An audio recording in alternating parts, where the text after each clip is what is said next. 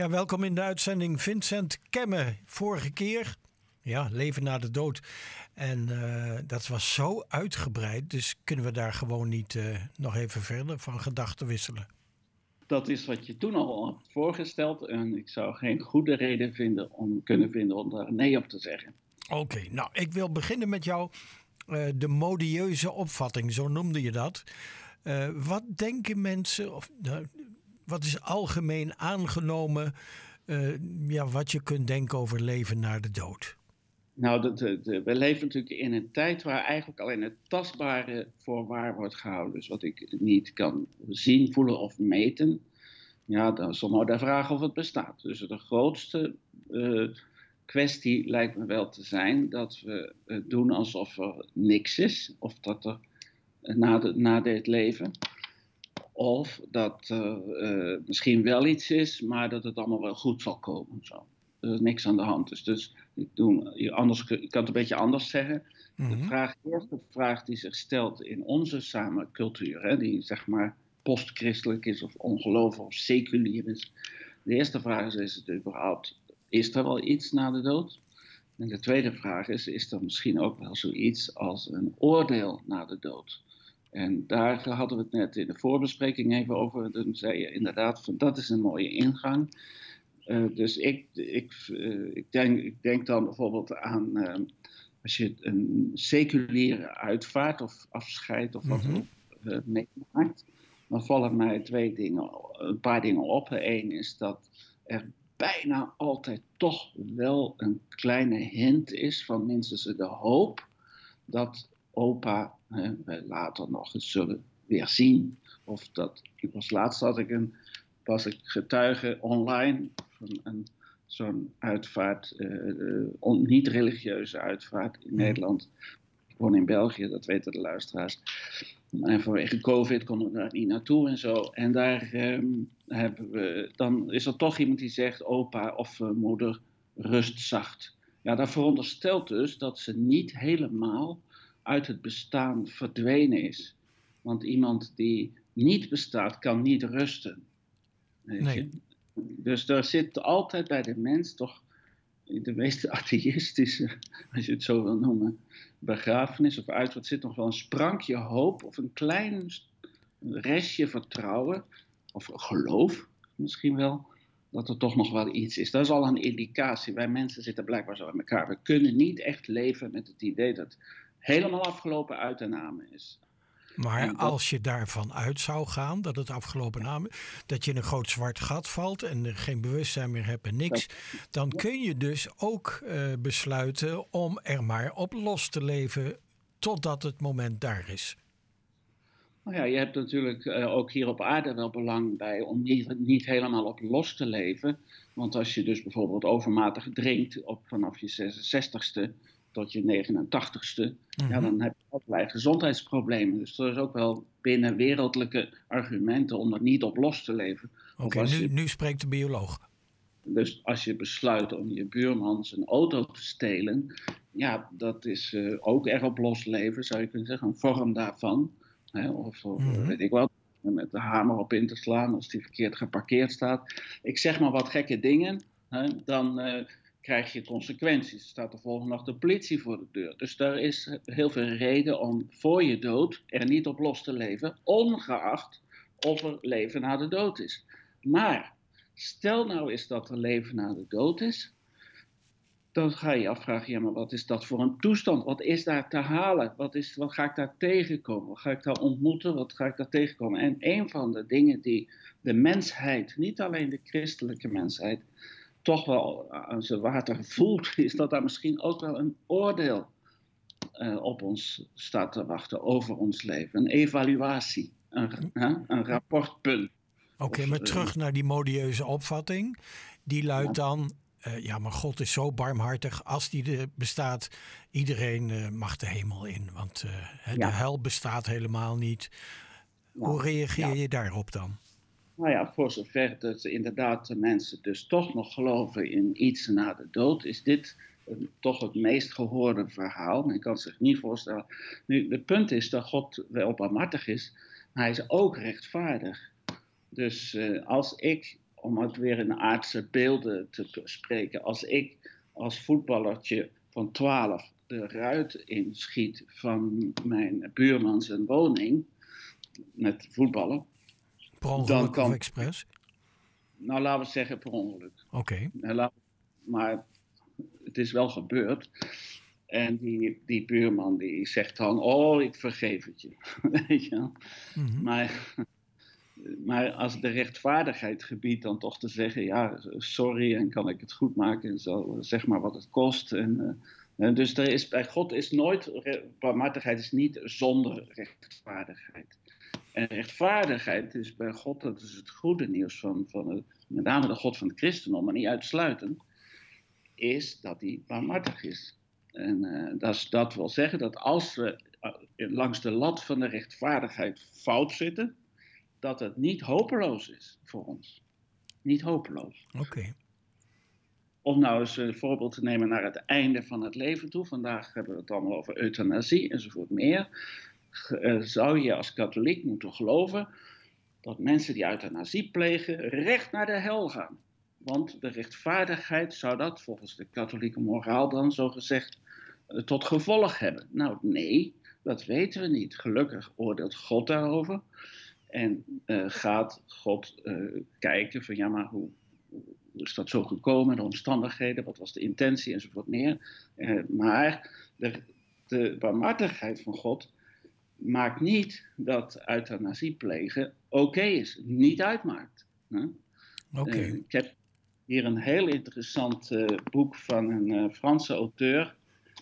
Ik heb het van, het is dit, het lijkt op deze kaft, maar ik heb hier, gaat ook over deze kast van de aartsbisschop van Parijs, die net helaas is moeten aftreden.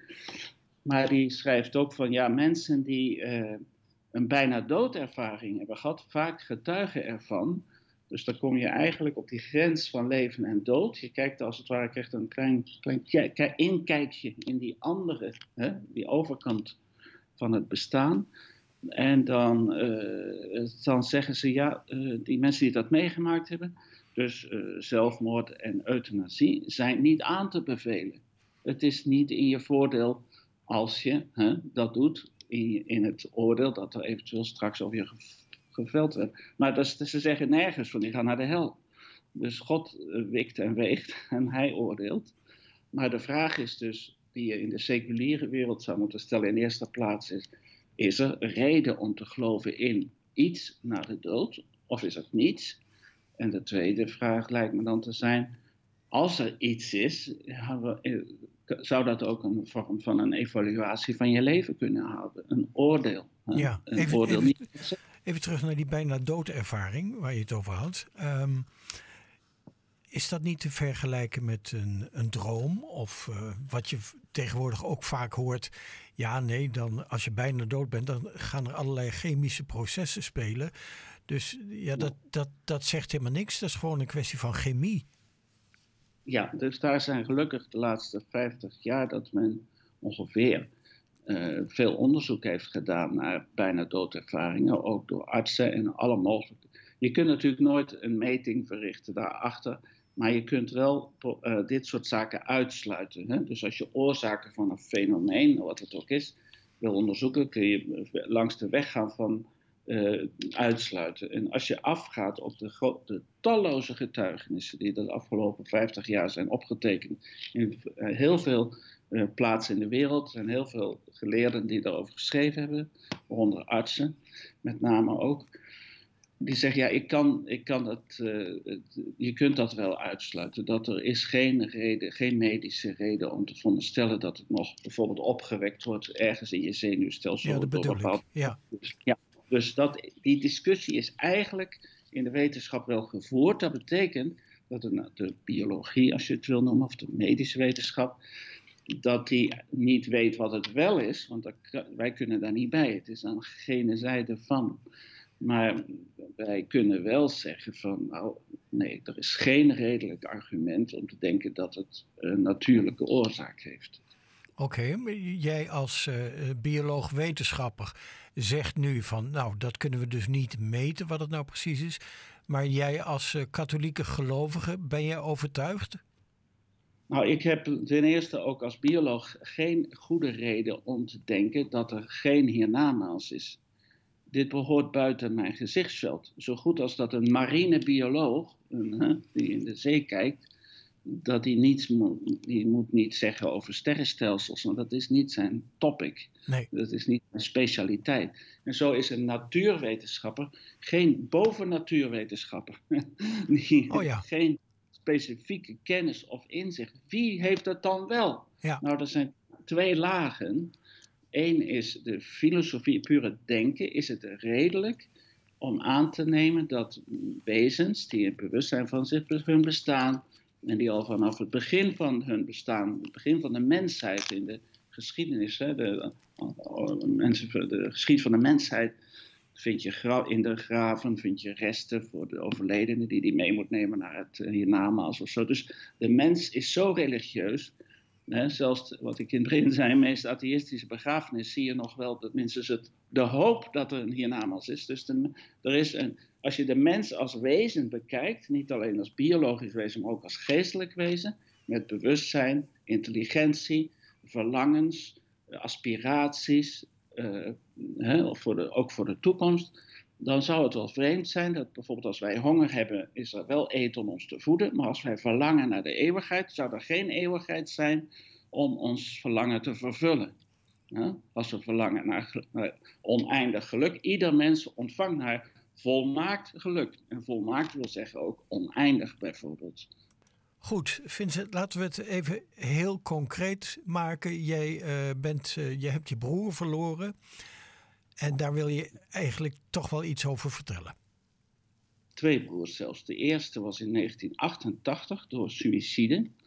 En ik was op retraite toen ik dat hoorde en in Frankrijk. En daar werd erg gebeden. En ik, in een charismatische context. En er was een beeld ook over zijn wezen in het vage vuur. Die verdwenen in het vage vuur. En iemand daar beloofde mij elke dag, de komende jaar, voor mijn broer geluk, zijn zielenheil te bidden. Een half jaar later heb ik een, uh, in een aanbidding in Helvoort, in het centrum daar, een tekst gehad, toevallig precies op zijn verjaardag, uit Daniel.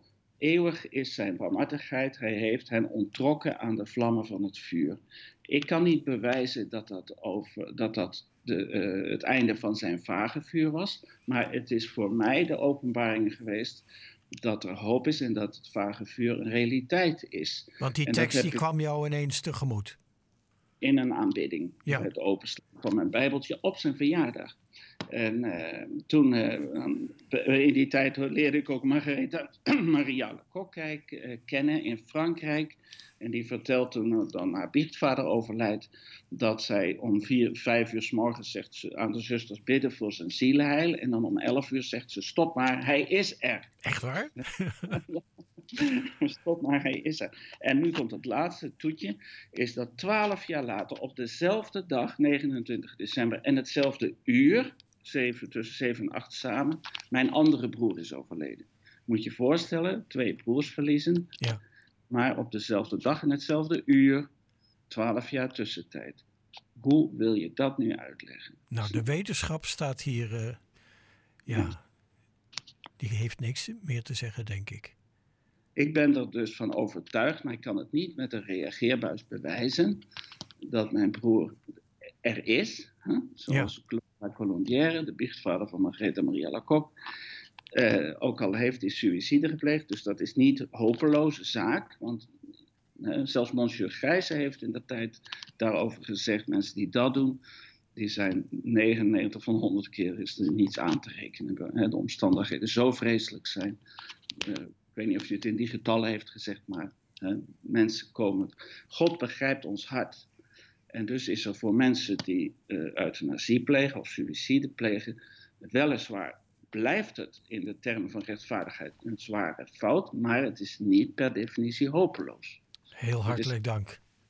Het is geen aanbeveling voor euthanasie, integendeel. Heel goed, Vincent Kemme van uh, BioFides. Dankjewel voor uh, het delen van deze gedachten. Graag gedaan.